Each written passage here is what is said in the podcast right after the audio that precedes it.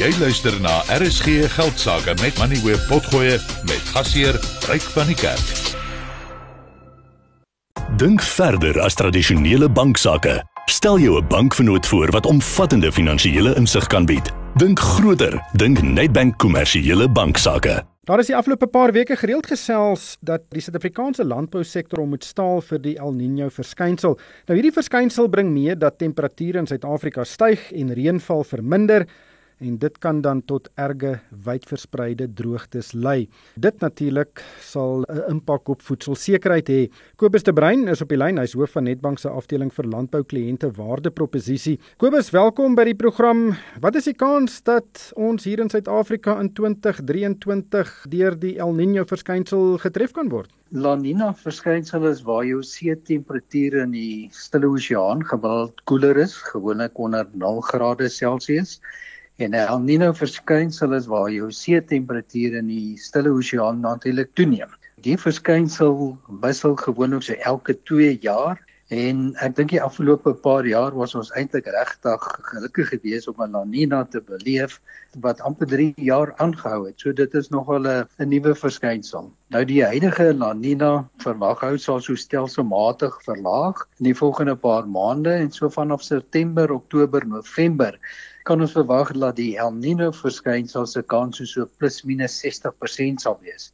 So op die stadium is die aanduiding ook dat die El Niño moontlik kan oorvloei na 2024 se somerseisoen.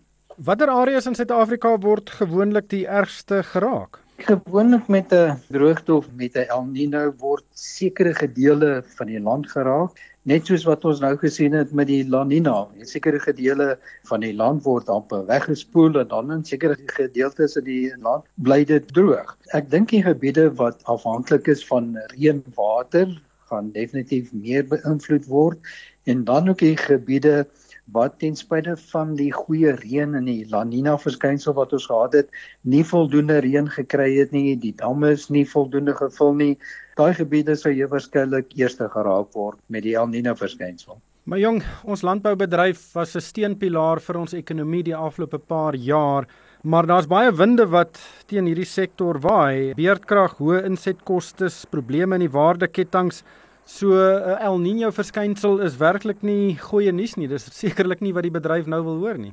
El Niño is natuurlik nie net slegte nuus nie. As jy gaan kyk, 'n La Niña verskynsel gaan gepaard gewoonlik met baie reën, baie verspoeling en baie skades. Maar aan die ander kant dit maak ons damme vol en dit vul die watertafels. As jy gaan kyk na El Niño, dit bring ongelukkig uh, minder reën, hoër temperature en meer kanse vir veldbrande. So jy kan amper nie sê die een is beter of slegter as die ander een nie.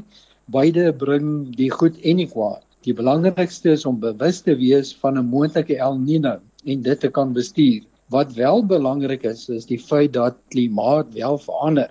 Die El Niño veroorsaak hoër temperature, maar die bekommernis is die uitermate hoë temperature wat die gemiddelde temperature met meer as 1.5 grade Celsius kan laat styg. Nou dit is baie nadelig. In 2015, 2016 het plus minus 194 lande die Parys-ooreenkoms gesluit waar dit die doel is om die gemiddelde verhoging in wêreldtemperature onder 1.5 grade Celsius te hou. Nou Suid-Afrika het ook die ooreenkoms geteken by die COP21. Die bekommernis is groot dat die gemiddelde verhoging van 1.5 grade Celsius oorskry kan word en die oorskryding of die gemiddelde verhoging bo 1.5 grade Celsius, die impak is eintlik baie groter as net 'n gewone El Niño. Indien die El Niño versterk bo 60%, kan dit die landbousektor onder nog meer druk plaas. Daar's dit net droog is, kan ons dit bestuur. Die landbou is ervare met droogte en droër tye, maar nou sit ons met omstandighede waar onder beerkrag gebuk gaan, ons kan nie behoorlik besproei nie, die druk op watergebruik gaan toeneem en hoër as normale temperature rig regtig groot skade aan. Natuurlik met El Niño kry jy wisselvallige reën. Sekere gebiede word natuurlik meer getref as ander, maar ons weet egter baie goed watter gebiede beïnvloed sal word met hierdie droë tydperke. Kobus, kan boere en besighede in die landbouwaardeketting iets proaktiefs doen om die impak te versag? Verseker, ek dink mense moet besef Suid-Afrika se land met lae reënval. Die baie reënval wat ons die afgelope paar jaar gekry het, is eintlik uitsonderlik. Ons is eintlik bekend vir 'n land met lae reënval. Die landbou en die landbouers is natuurlik ervare, hulle weet wat om te doen in droogte tydperke en hulle weet hoe om dit te hanteer en wat moet gedoen word. Belangrik sou ek sê is om natuurlik bewus te wees en voor te berei op 'n droë seisoen.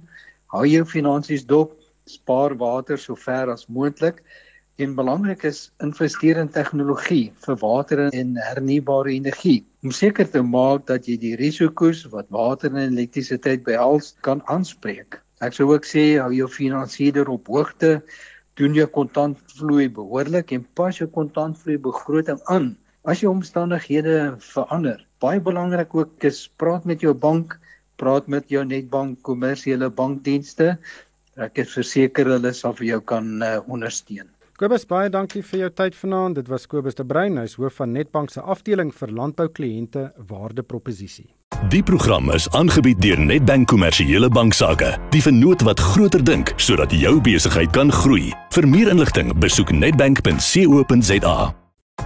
Dink meer as besigheidsbeplanners. Dink toekomsskeppers. Dink vindingryke oplossings saam met omvattende kennis van jou besigheid. Dink meer as 'n bank. Dink groeivennote. Dink 'n span gespesialiseerde kenners wat jou help om vinnige finansiële besluite te neem. Dink meer as 'n bankvennoot. Dink bedryfskenners. Dink 'n strategiese vennootskap wat broodnodige advies gee. Dink groter vir jou besigheid. Dink Nedbank Kommersiële Banksaake. Vir meer inligting, besoek nedbank.co.za. See money differently. Nedbank. Ons is 'n gelisensieerde FDV en geregistreerde kredietverskaffer. Jy het geluister na RSG Geldsaake met Money where potgoe elke weeksdag om 7 na middag. Vir meer Money where potgoe, besoek moneyweb.co.za of laai die toepassing af en volg Moneyweb News om dagliks op hoogte te bly.